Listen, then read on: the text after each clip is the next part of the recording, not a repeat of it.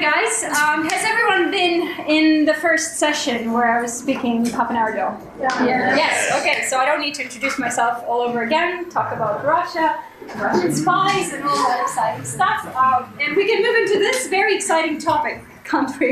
Um, if Jesus is love, why are his followers so unloving? I appreciate the luck and I appreciate the prayer because we are venturing into a very, very tense topic here.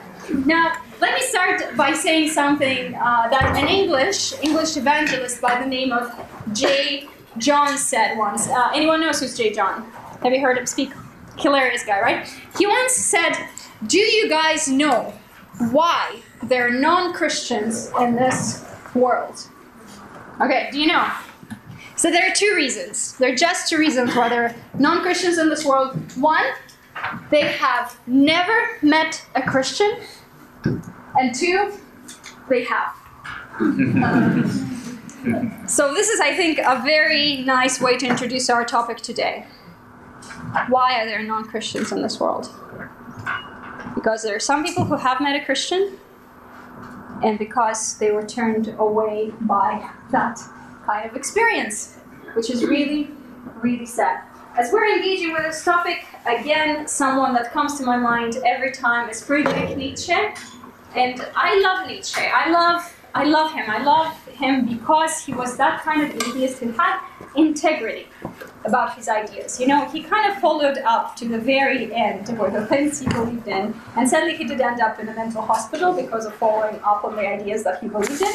But, however, he did kind of hold on to the things he said, which not a lot of people do. But one thing he said about Christians, he said, I would believe, I would believe that these people are saved they actually acted like the ones who are saved. Again, I'm not starting with this like potty pooper attitude with like, you know, uh, idea of getting you all depressed here. We are gonna move out of it and kind of try to engage together. But this is this is the kind of setting. This is the thing we're dealing with. These are all the people that we know were turned away from Christ, from having an experience of an engagement with a loving Christian. Why is this happening? What is the deal? And another part of our conversation today will be generally even more difficult question of religious violence, because I think that all of us are wondering. Uh, again, this photo, terrible photo, the photo that became the focal point of grief for thousands and thousands of people a few months ago. And I actually uh, had to speak on the question of religious violence three days after the events in Nice. And that was, trust me, not the most easy kind of talk I've ever done in my life. But as we look at this photo, as we look at this terrible photo of this poor girl who, who, who, has become almost like an emblem of all the terrible events happening in the Middle East, all the terrible things that are happening around religion these days. And we're asking the question is there something like this that has been happening through Christianity? What about all the events happening uh, during the Crusades? What about the wars in the Balkans? Yeah. What about Northern Ireland finally? And religious violence happening around the conflict between the Protestants and the Catholics. What what do we do with all of that? How do we make sense of the God who's love? And this is our big theme, right? The loving God and the unloving Christians. Okay, so this cuts through every heart. This is the topic that is uh, supposed to engage with each one of us and, make us all question.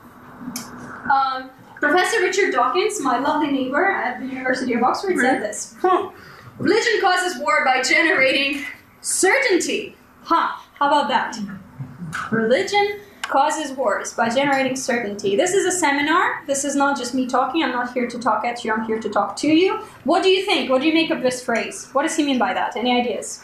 I know you're very polite Norwegian people, but talk to me, okay? Please um, I would probably respond by, "Are you certain of that?" Um, okay, thank you for the response. But so far, I just want to know what what does he mean by that? What does he mean by that generating certainty, Ani? Maybe there's a lot of people who think that and mm-hmm. it's more important to agree than it is to understand. That is a very interesting point. It's more important to agree than to understand any other ideas. Please, what's your name? Matt. Matt, hi Matt. If you don't have certainty, you're not likely to act on something. Uh-huh. If you do have certainty, then you know, therefore you want to let others know.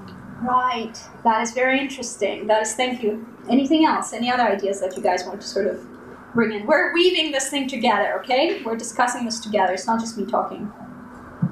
What is that certainty? What did Matt say? What did Matt say? Okay. What did Matt say? He said that this is like if you're not certain, you're not going to act on it. But if you're really certain about something, you're more likely to act. Hmm. Okay? I think it's that clenching fist, right? Certainty. I know. I'm right. Thus says the Lord. and we're going to go and kind of go with that. Now, how does that correspond to the idea of vulnerability we talked about earlier today?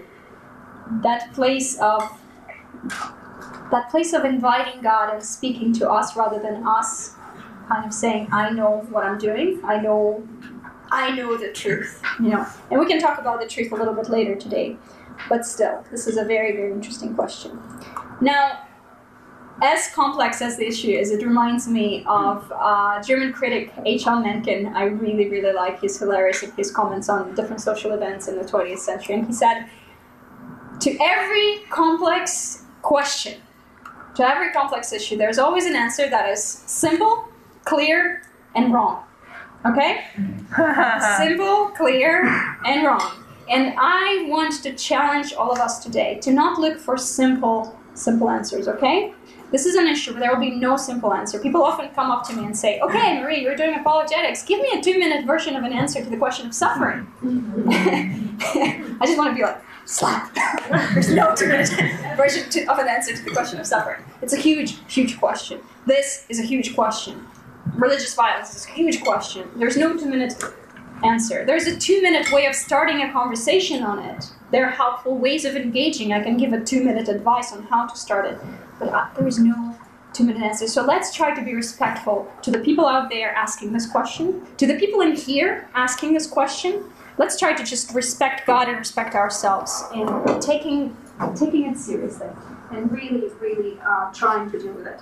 Now, as Richard Dawkins says, that religion generates that certainty and therefore generates violence. Uh, that brings me back again to the amazing group of the 20th century existential philosophers by the name of Beatles, right? Who sang another glorious song. They defined they defined so many of the problems that we are asking, right, in the 20th, 21st century. And what's the song that I have in mind? Anyone knows? Oh. John Lennon. Imagine. Imagine, yes. Anyone knows the song I'm talking about? It. I love songs. I would play songs all the time, but I'm not going to do that. But he basically says, imagine the world without religion, right? Imagine the world without violence. Imagine the world without 9/11. Imagine, well, he's not saying that, but I'm suggesting. Imagine the world without all those things, without crusades, without witch hunts, without gunpowder plots. There's no Indian uh, problems of destroying all of the different tribes that, that don't believe. No Serb Croat Muslim massacres. No Christ killers. Like, imagine. Wouldn't that be an amazing world? That's what the Beatles are singing, yeah? Imagine. Oh, that would be an amazing world, wouldn't it? But is that the heart of the problem?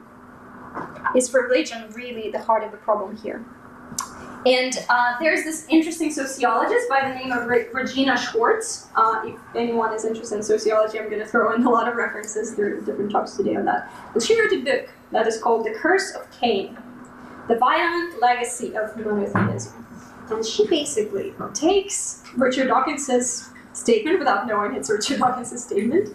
And she brings that whole sociological basis for it. She develops that whole theory basically on that idea of certainty. And she says, basically, that uh, all of the monotheistic religions, which are Christianity, Islam, Islam and Judaism. Judaism, well done. Three monotheistic religions, they are exclusive religions and therefore violent ones she makes that same connection of exclusivity and violence. You know why?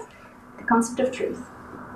She says once we believe that we have that grasp on the truth, we're gonna fight for it. We're gonna really, really fight for it. Now, why does she make that statement?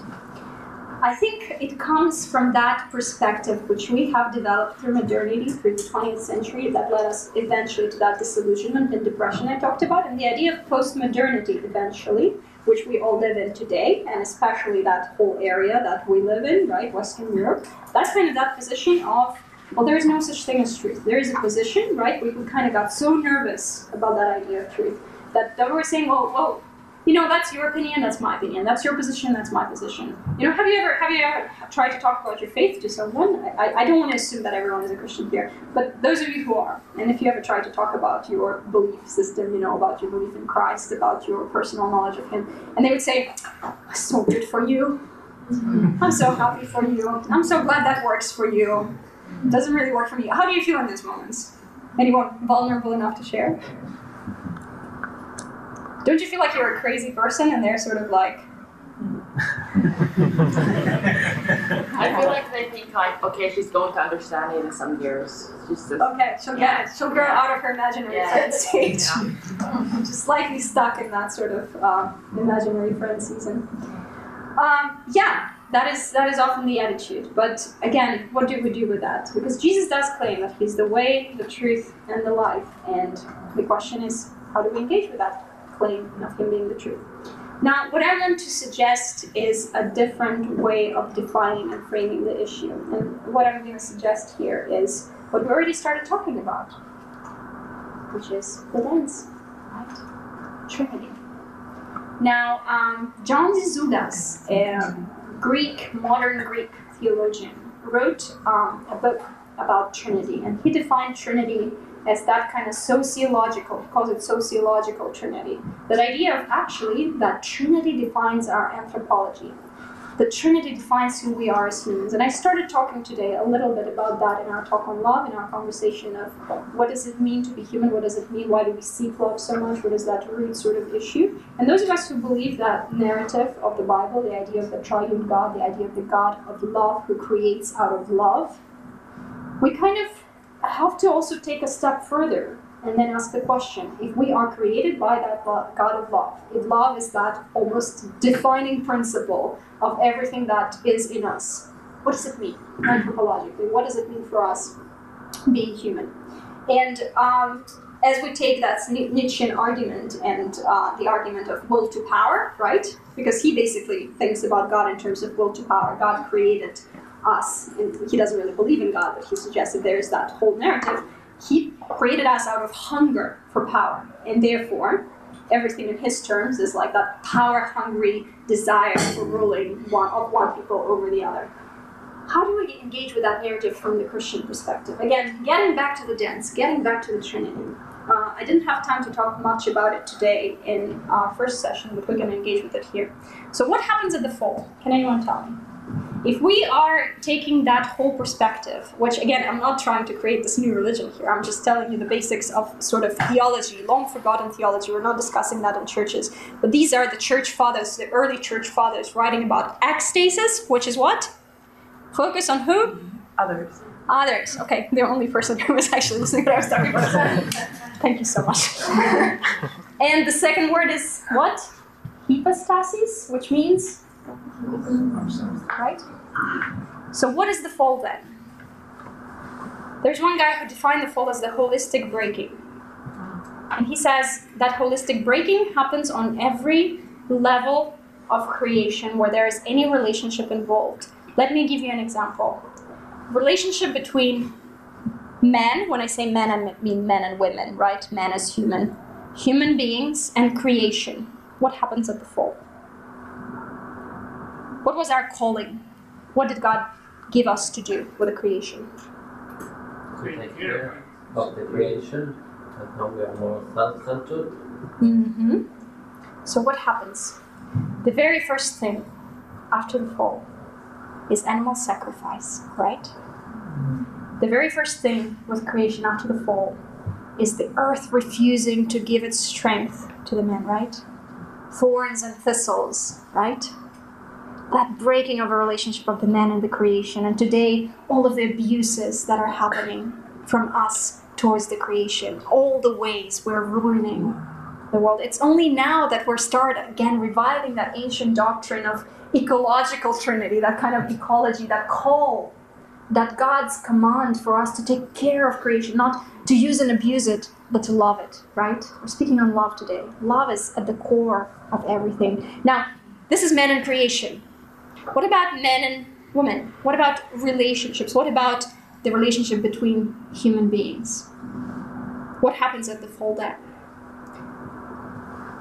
Again, I started, just started that conversation today when I hinted at the question of being naked and not ashamed, right? Mm-hmm. However, you understand the book of Genesis, this is not what we're discussing today. Whether you understand it as a literal description of literal events or whether you see it as every man's story, there are ways of engaging with both, okay? I'm not trying to give you some kind of framework right now. That's not my purpose.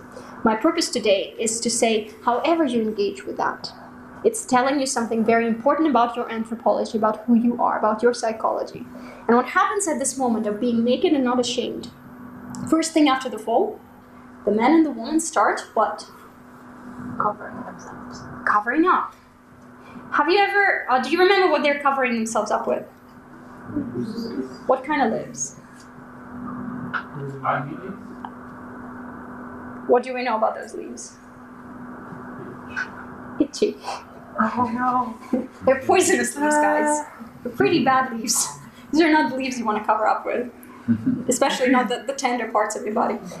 Another question often arises is like, it doesn't necessarily say what they're covering, but we're always kind of imagining them covering up their what? Kind of those parts that um, we prefer for them to cover. Why? You know, there is another idea behind that. They cover up their differences. Isn't that what we see today? That fear, that fear of someone seeing our differences, that continuous attempt to cover those things up. And I'm going to bring a little bit of psychology to you right now. And I'm going to bring a little bit of what is called theory of mind. And this is um, the research I've been doing for the past number of years in the United States and in Russia. And that was basically on what is happening with children, right? Theory of mind is this ability that all of us have to put ourselves in other people's mental shoes, okay? Children before the age of four don't have this ability. And that was fascinating. I was doing a number of tests with different groups of children in different countries where you come literally like for a number of months and they just can't do certain tests. And then like something happens like almost overnight, you know, that development kind of shifts and then they can. So I'm going to give you an example with that ability to put yourself in mental shoes. So here's an imaginary test of that box of Smarties, right? Here's the box of Smarties. I'm asking you the question, what do you think is in the box? Geniuses on this room. Yes, Smarties. Well done. Smarties. Um, say your friend, you'll have one common friend, whoever that is, uh, Bjorn or you know someone. He's, he's behind the door. He didn't hear what we were talking about. He doesn't know what's going on. Um, he comes in. What do you think he'll say is in the box? Smarties. Great. So Bjorn is behind the door. He doesn't know what's going on. He's still behind the door. I'm opening the box. I'm showing you that what is in the box is actually not Smarties. They're uh, buttons. Okay? A whole box of buttons. We put the buttons back into the box, close the box. I open the door. I say, Bjorn, come in. And we're saying, Bjorn, what is in the box? What would he say? Smarties. Geniuses. Now, if you asked a four year old, a three year old this question, came in and you're like, what do you think your friend would say is in the box? What would they say? Buttons. Buttons. You know why? Because in their mentality, where they don't have that theory of mind, you know, framework yet, they believe whatever I know, you know. Whatever I feel, you feel. That nakedness is still there. That idea of connection of minds, that idea of like all of us have that transparency is a fascinating idea. And you know how psychologists call that moment of shift? Psychologists, secular psychologists, they call it fall from grace. They call it fall from grace. In that moment when that shift happens in children, and then realize what I know, this person doesn't know. What I feel, they don't feel. Therefore, it leads to such behaviors as lies and pretense. Because in order to lie and to pretend, you need to realize that that person's mind is isolated from your mind, right? Is, are you with me? Is that making sense? I'm not trying to say that this is like 100% proof for what is happening in the garden, but I think that is a very interesting thing that is happening there. If you ever played hide and seek with little children, have you? Do you, do you all have little siblings or whatever? How do they play hide and seek, the little ones, two, three year olds? You say hide, what do they do? Uh-huh. Why? Have you ever asked yourself this question? Why do they do that? oh. Because yeah. if I don't see you, you don't see me. Isn't that amazing? Uh-huh. Isn't that fascinating, guys? Am I the only one who thinks this is absolutely fascinating? Uh-huh. now, this is on the level of relationship of man and God, right? Men, men and men, right? And on the level of men and God, of course, we start hiding from God, right? Where are you, Adam? Hiding. Why are you hiding? Because I'm naked. Who told you you're mm. naked? In other words, oh. what is this new consciousness you're having? What is that shift that happened in your mind? Why is it that when you looked at me, you looked at me in terms of I, thou relationship? And now that you look at me, and now that you look at your partner, at your friend, at your colleague, it's us versus them. The I thou in that moment of the fall is replaced with the us versus them. That whole new way of dealing that leads us, guys, to tribalism. That leads us to that whole different way of treating people in front of us. And I think this is really interesting, and this is kind of leading us to a whole new way of engaging with that question. Now, in this book, The Curse of Cain, right? Um, she kind of talks about that whole tribalism, Regina Schwartz. She talks about that idea of uh, tribalism being based on that. Then she goes on and she says bullying, racism, politics, football. These are all human ways of us and them, right? Ironic in some sense. But if we go back to that defining our anthropology through God, the problem is not just religion, right? The problem is something deeper.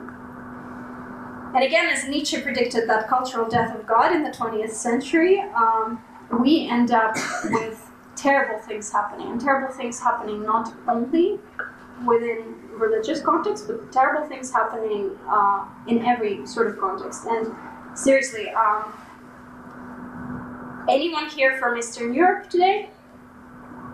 Outside of me? originally coming from Russia. 20th century was predicted by Nietzsche that it would be the bloodiest century known to men. And this is exactly what happened. And um, Joseph Stalin is one of the reasons why this has become one of the bloodiest century. But as we know, Joseph Stalin was no believer in any religion whatsoever. And for me, that was the moment actually in Russia. There is uh, very close to where I live. There's a place called Katyn, and Katyn is this forest where um, Stalin gave an order to massacre um, more than 20,000 Polish captive, captive Polish officers in one day. So if you go to that forest after any rain, the human bones are still washed up. It was just like such a terrible, terrible thing that happened. So there are these kind of bridges, wooden bridges, all over the place, all over the forest. So you walk, don't walk on the human bones, actually, literally. So as you walk through the forest on these wooden bridges, kind of uh, reflecting all of the wooden bridges lead to one center, one heart of that place. And in the heart of that place, there is this kind of uh, place where there is this huge bell, and anyone can come and ring the bell. And as I stood there, I was probably 13, 14, I wasn't even a Christian yet. But as I rang that bell, and just stood there, just that, that terrible sound and that recognition of what had happened here, you know, like 60, 70 years ago. What came to mind were the verses from John Donne, uh, the poet, uh, who said, For whom the bell tolls, right? You know that poem, For whom the bell tolls. And he says in the end of his poem, says, Send not to know for whom the bell tolls. It tolls for thee. It tolls for thee. And he's again bringing us back to that idea of that is our human problem, as another Russian writer, Solzhenitsyn, who was observing the terrible things that happened in the gulags and the Stalin camps where people were massacred every day, and he miraculously survived that experience. He says, The line between the good and the evil runs through every human heart. Okay? Every human heart. So this is not the problem of religion, this is our problem. It runs through our hearts. And we need to find a way to deal with that, and we need to find a way to engage with that. And the way to engage with that, and I'm going to talk more about it tonight, is the cross. Is that atonement? Is that place where Jesus comes and builds that bridge and brings back that new consciousness, allows us to again be naked and not ashamed as he's hanging on the cross and embracing that shame naked. so that we could be again naked and not ashamed. Um, the most fascinating thing that happens after the cross is the Pentecost. Okay, what happens at Pentecost with the languages? Everyone is fighting over over what is happening in the tongues. My sister this morning uh, sent me a text. She's like, "I was reading through the passage again, and I don't know what they're talking about with this like bloody bloody blah languages, languages, and tongues." And I'm like, "Okay, I'll Skype you or back. We can talk about it." But seriously, as all of the denominations are fighting over what were those tongues, what was happening at the Pentecost, can we get back to the core meaning of what happened at Pentecost? As people spoke, everyone could hear one language. Everyone could understand how, and whatever languages they spoke, whether they were all the different tongues, whether God did something to the consciousness of men. But the sign of that unity in Christ, that outpouring of the Spirit, was that everyone could understand everyone else. Those superficial differences, that tribalism, that whole us versus them was gone as the gospel was preached, right? It was not in the moment of like them just having some rapturous sort of emotions or whatever. The gospel, Peter was preaching in that moment. And as he was preaching, as the gospel of Christ was proclaimed, everyone could hear the message as if in one language. And this is fascinating, and this is beautiful, and this is only God can do that, right? Um, as we kind of wrap up with this part of the religious violence, um, I wanted to um, raise some things mentioned by Professor Miroslav Volf, who talks about religious violence a lot. He himself was from Yugoslavia, with like seeing so much of the religious violence that happened there, with uh, you know, kind of religious issues around religious issues. But he made that really interesting distinctions between thick and thin religion.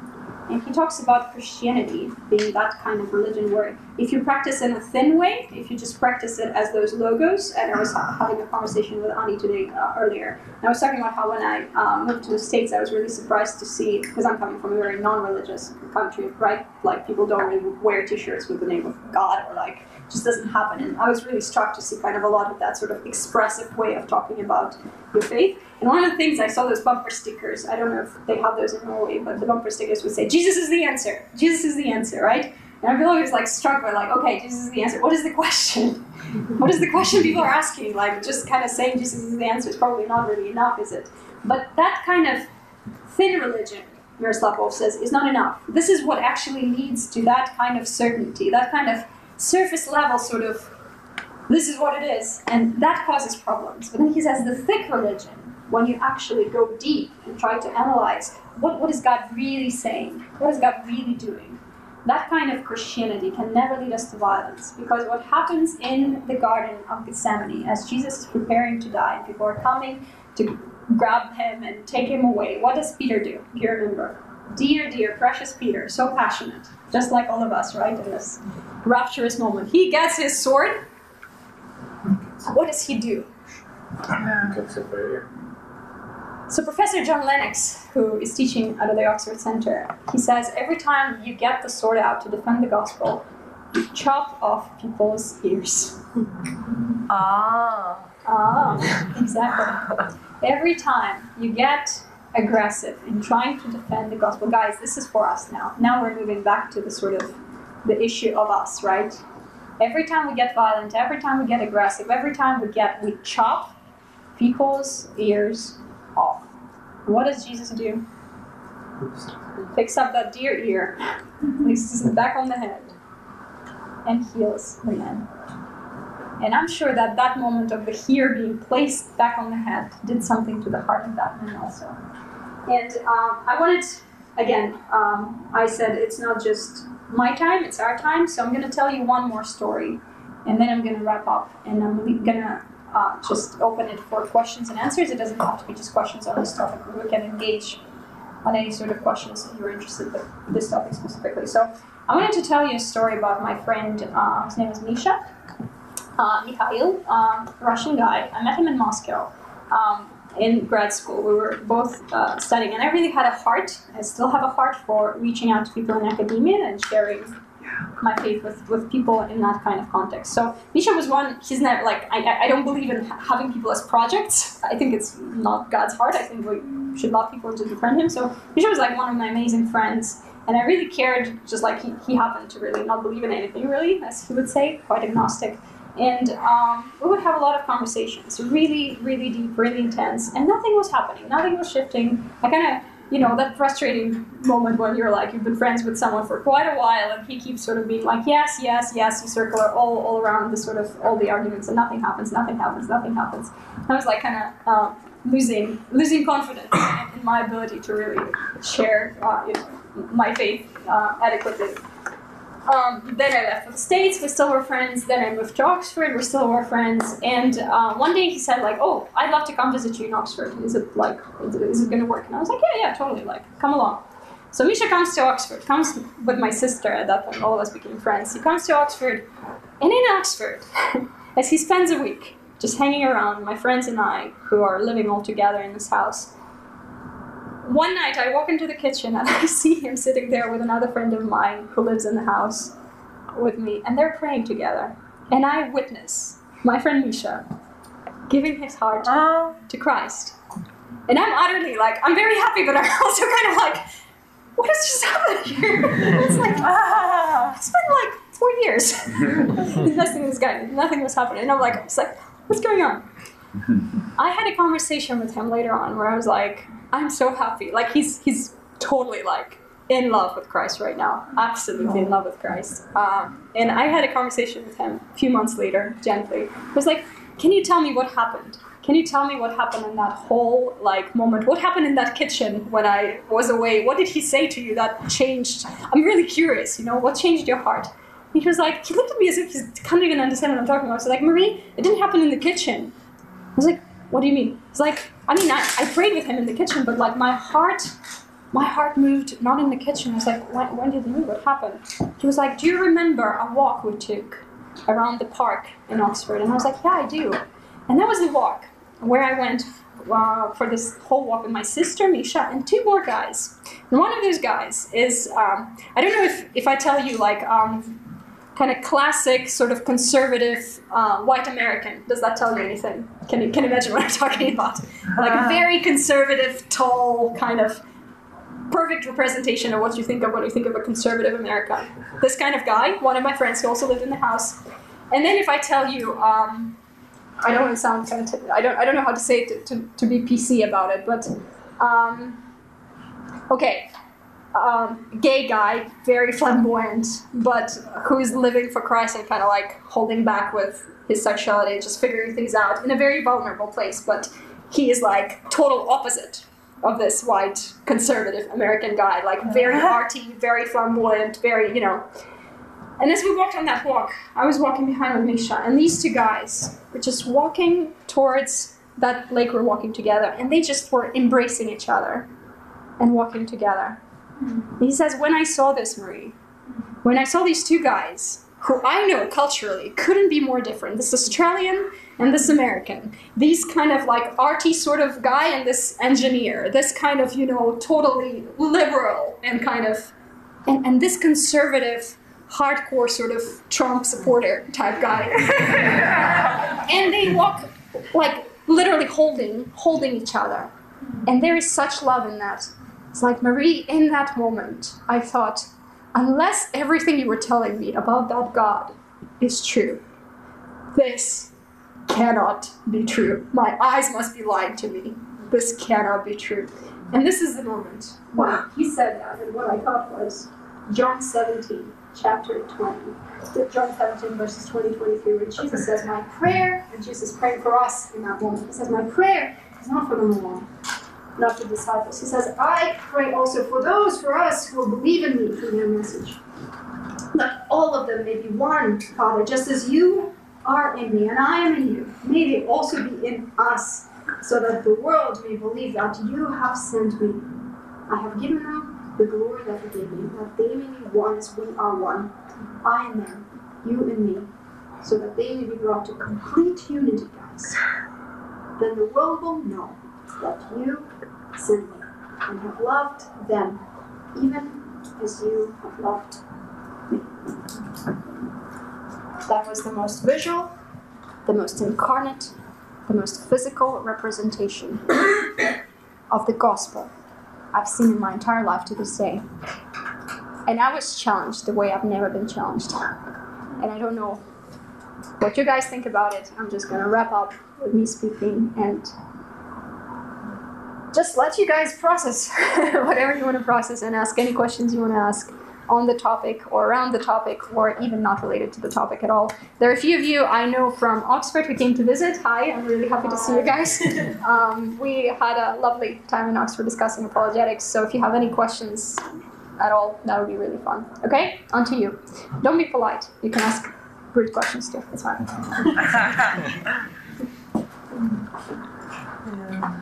The most rude thing is not to ask any questions. Come on. okay. Um, uh, you said you had done the study with uh, the smart case? Mhm. Mhm. Uh, uh, has it been published? Or has it been done many times? There's a number of studies. So theory of mind is this big kind of umbrella thing that a lot of people study from different perspectives. Um, I was studying it in relation to language, so I was actually looking at this aspect of false belief reasoning connected to language. Does language trigger certain aspects of it? Uh, I can send you my materials on that if you're interested, but it's, it's not necessarily connected to theology in any way. But people are actually doing studies on that with theology and trying to see whether there are any implications for that. Okay.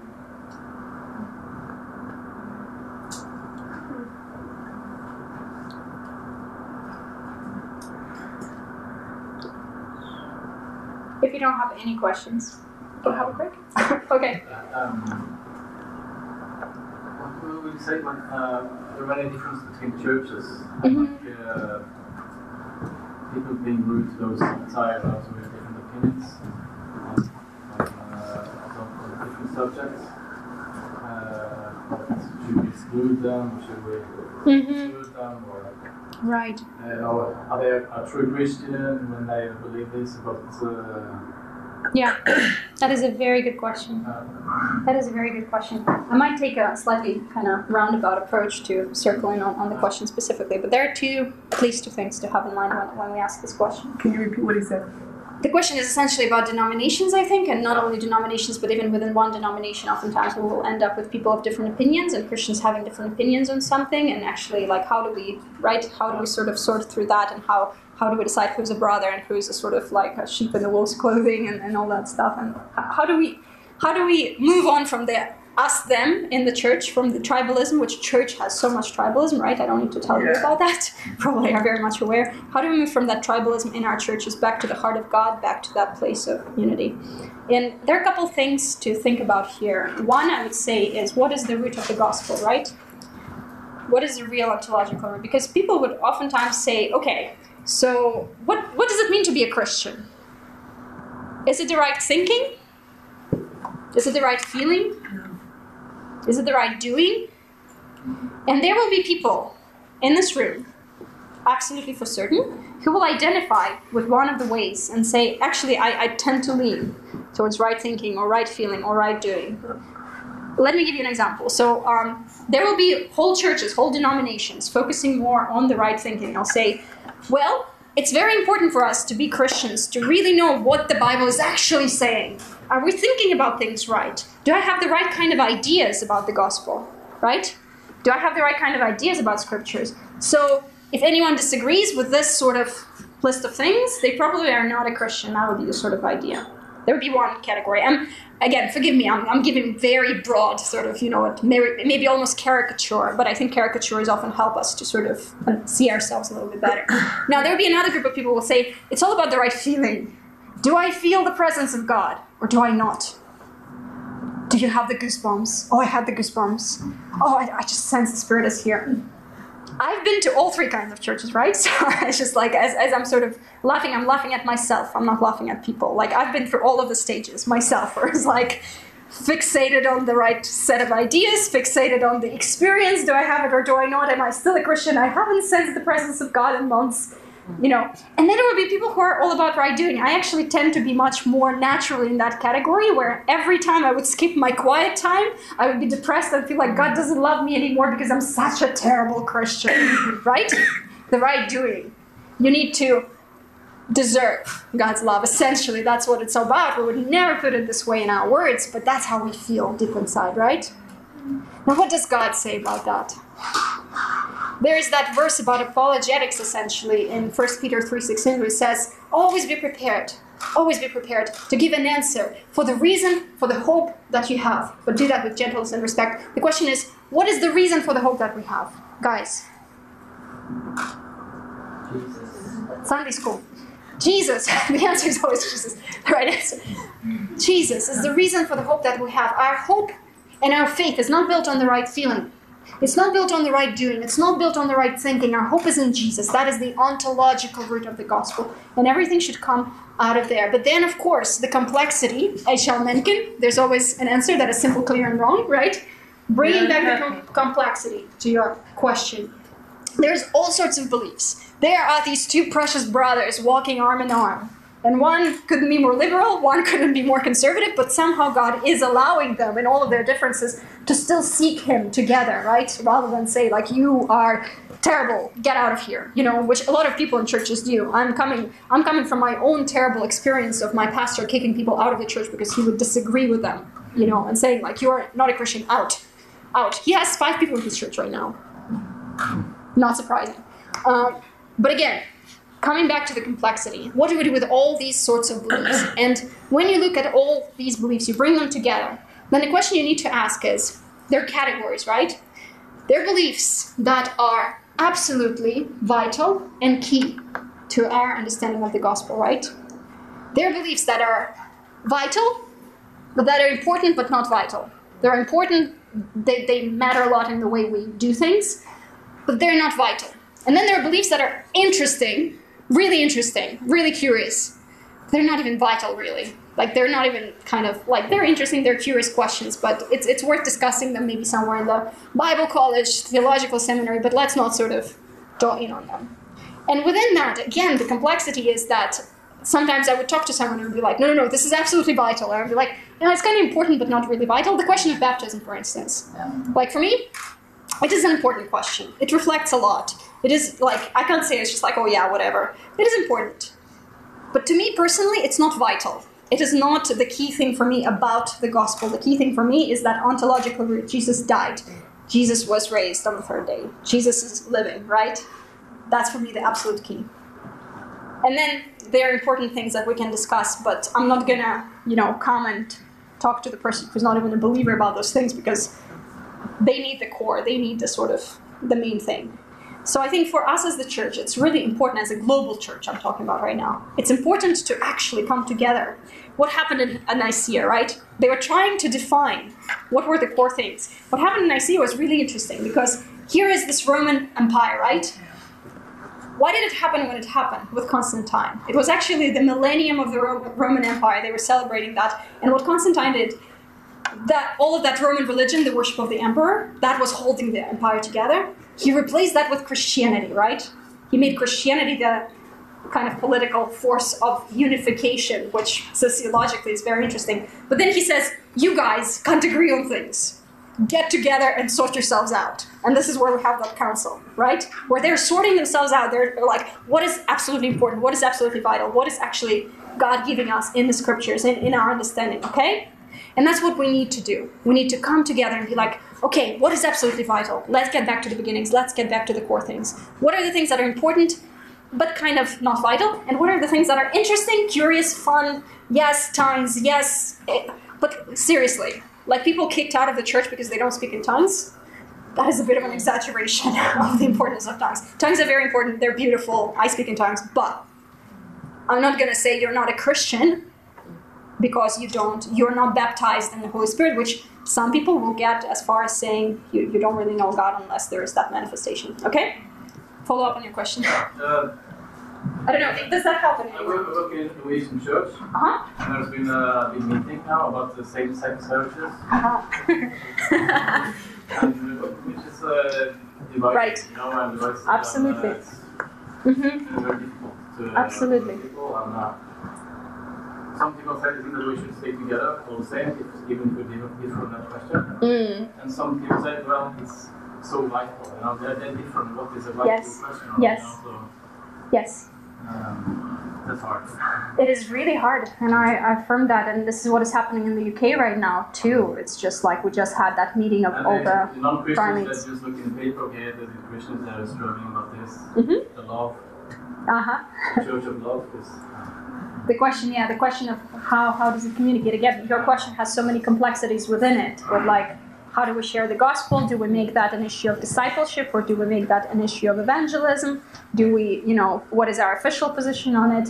I think in many ways it does again come back to the Trinity. It comes back to the question of who is God, what is love, right? What is our identity? It comes back to us coming to the Tower of Babel and trying to identify ourselves or allowing God to identify us and say who we are. So it's like if you want to talk more about it, we can talk more about it, but maybe afterwards. But yeah, this is this is a difficult issue. I would say it is a very important issue, and it needs needs a lot of thinking. It doesn't have a two minute version of an answer. Yeah. What's your name? Stephen, That's it.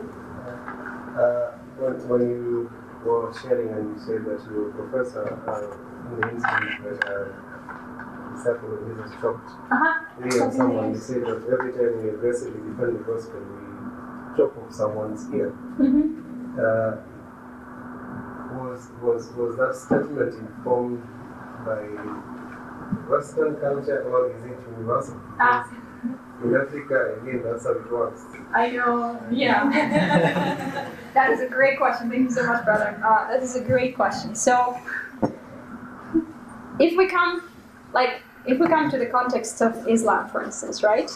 Like, that's a very different culture. And I, I told you already, my grandma is Muslim, right? So, unless I'm very assertive when I talk to her, she wouldn't even hear me. Like, you need to be very assertive. But again, there's a difference between aggression and assertiveness. And I think the difference always is in the heart and in the attitude. I am generally a very assertive person. I can be very kind of like when I speak, I like I actually look like I'm very sure about the things I say. Oftentimes I'm not. Oftentimes I'm not even aware I look the way I look. People are like, "Oh, you're so so certain about everything," and I'm like, "Oh no, I was like very vulnerable with you actually sharing those things." And they're like, "You're so assured." I'm like, I don't know why I look like this, but I'm not really. I'm actually quite sort of like doubting this right now. But um, there is a difference in the attitude. So I think culturally, yeah, there are cultures which they require a more kind of assertive way of doing that. But aggression and assertiveness is not the same thing. Aggression and that sort of like my way, you know, that is that is never the way for the gospel. I think wherever we are, and um, you can be very assertive and very loving at the same time. It's really hard to be aggressive and loving. I think they're not really working together. But yeah. Uh, because most most of us who didn't to be, uh, you know, like very loud, very persisting, we would go and be very loud and be very persisting in prayer. But that's again, that's not and, then, aggression. and then just come and, Mhm. you know. I think for us, there, there's that need for nothing just happens. There's Mm-hmm. a force fighting against us, and we need equal force, if not higher, to counter it. Yes, but what is that force that we're given to fight with? Yeah, of course, it's, it's We don't fight with- the word of God, yeah, and all that. So our, our, our, our you know way of fighting is very different Flesh from. and blood, yeah. Yeah. Yeah. Okay, uh, I think you had a question. Oh, well, um, Something. um, I was uh, thinking if we could repeat his question Oh, okay. because I That was the hear. point you thought of. Oh, okay. Sorry.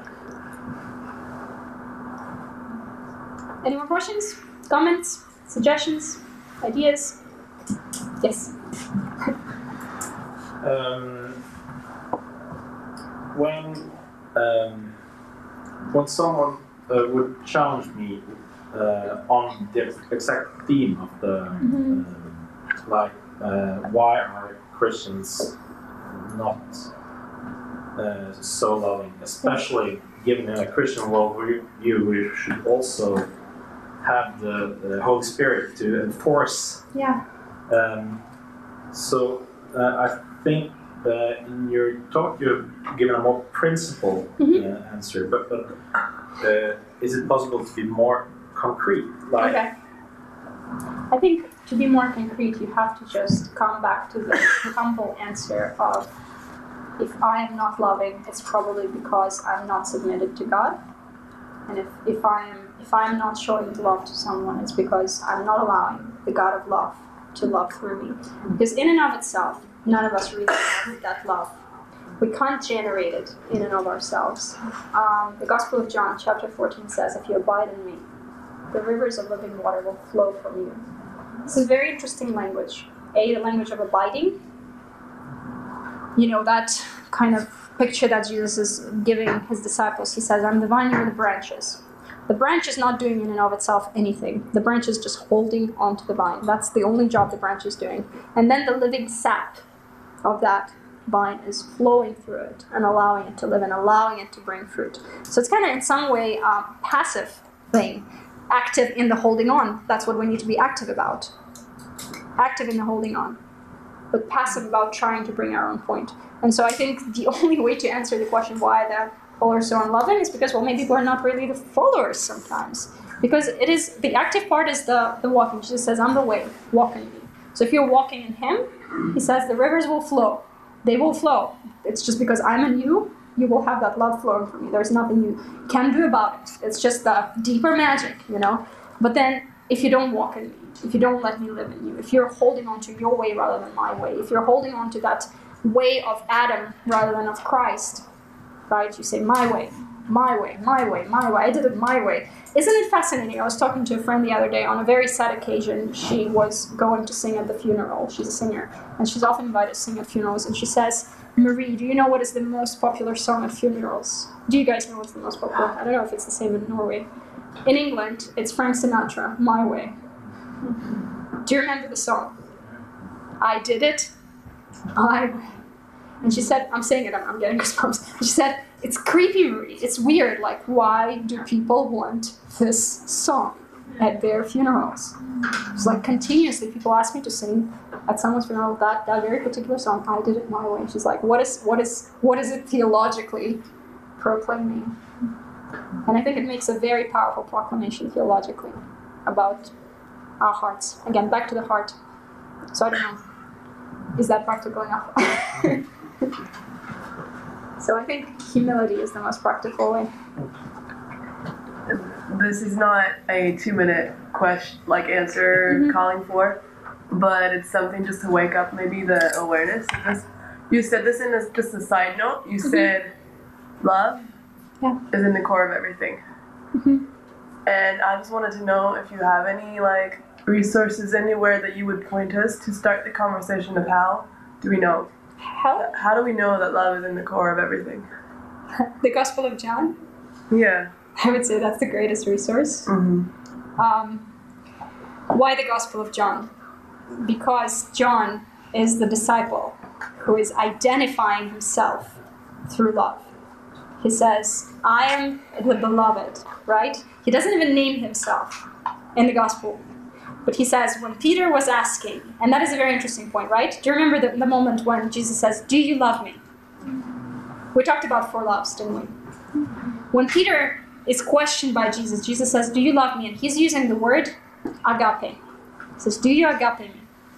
And Peter says, Yes, Lord, I phileo you. In the original.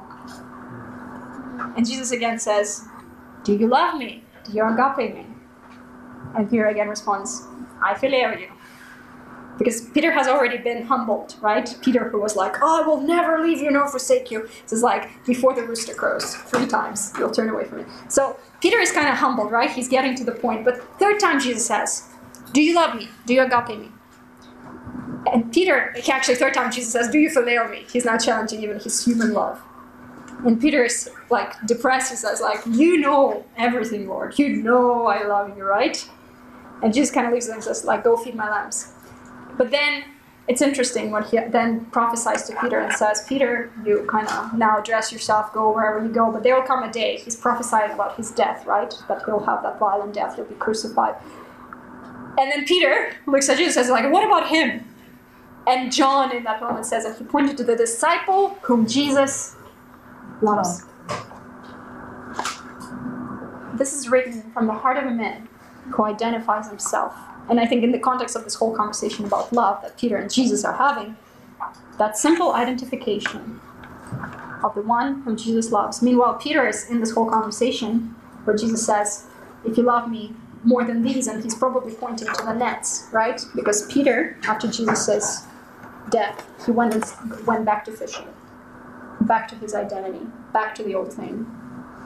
It's like, do you love me more than these? Can you identify yourself through me and not through these things? So I would say the Gospel of John, like no other resource, provides ample opportunities for us to bring in the conversations about love. There's so much in there. I can keep talking for, for hours, but in terms of books generally, Kind of epistemology though.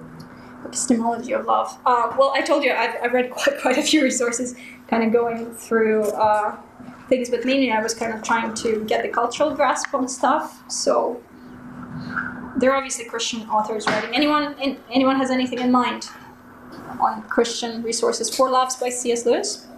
Go into that. That that has a really good background. Um, yeah. Thanks. Sure. Thank you. Okay.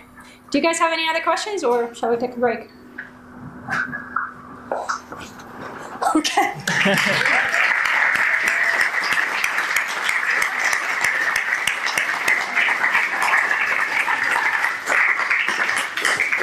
Uh, thank you so much to Mary and um, her session here. With uh, it was great uh, listening to you. Yeah.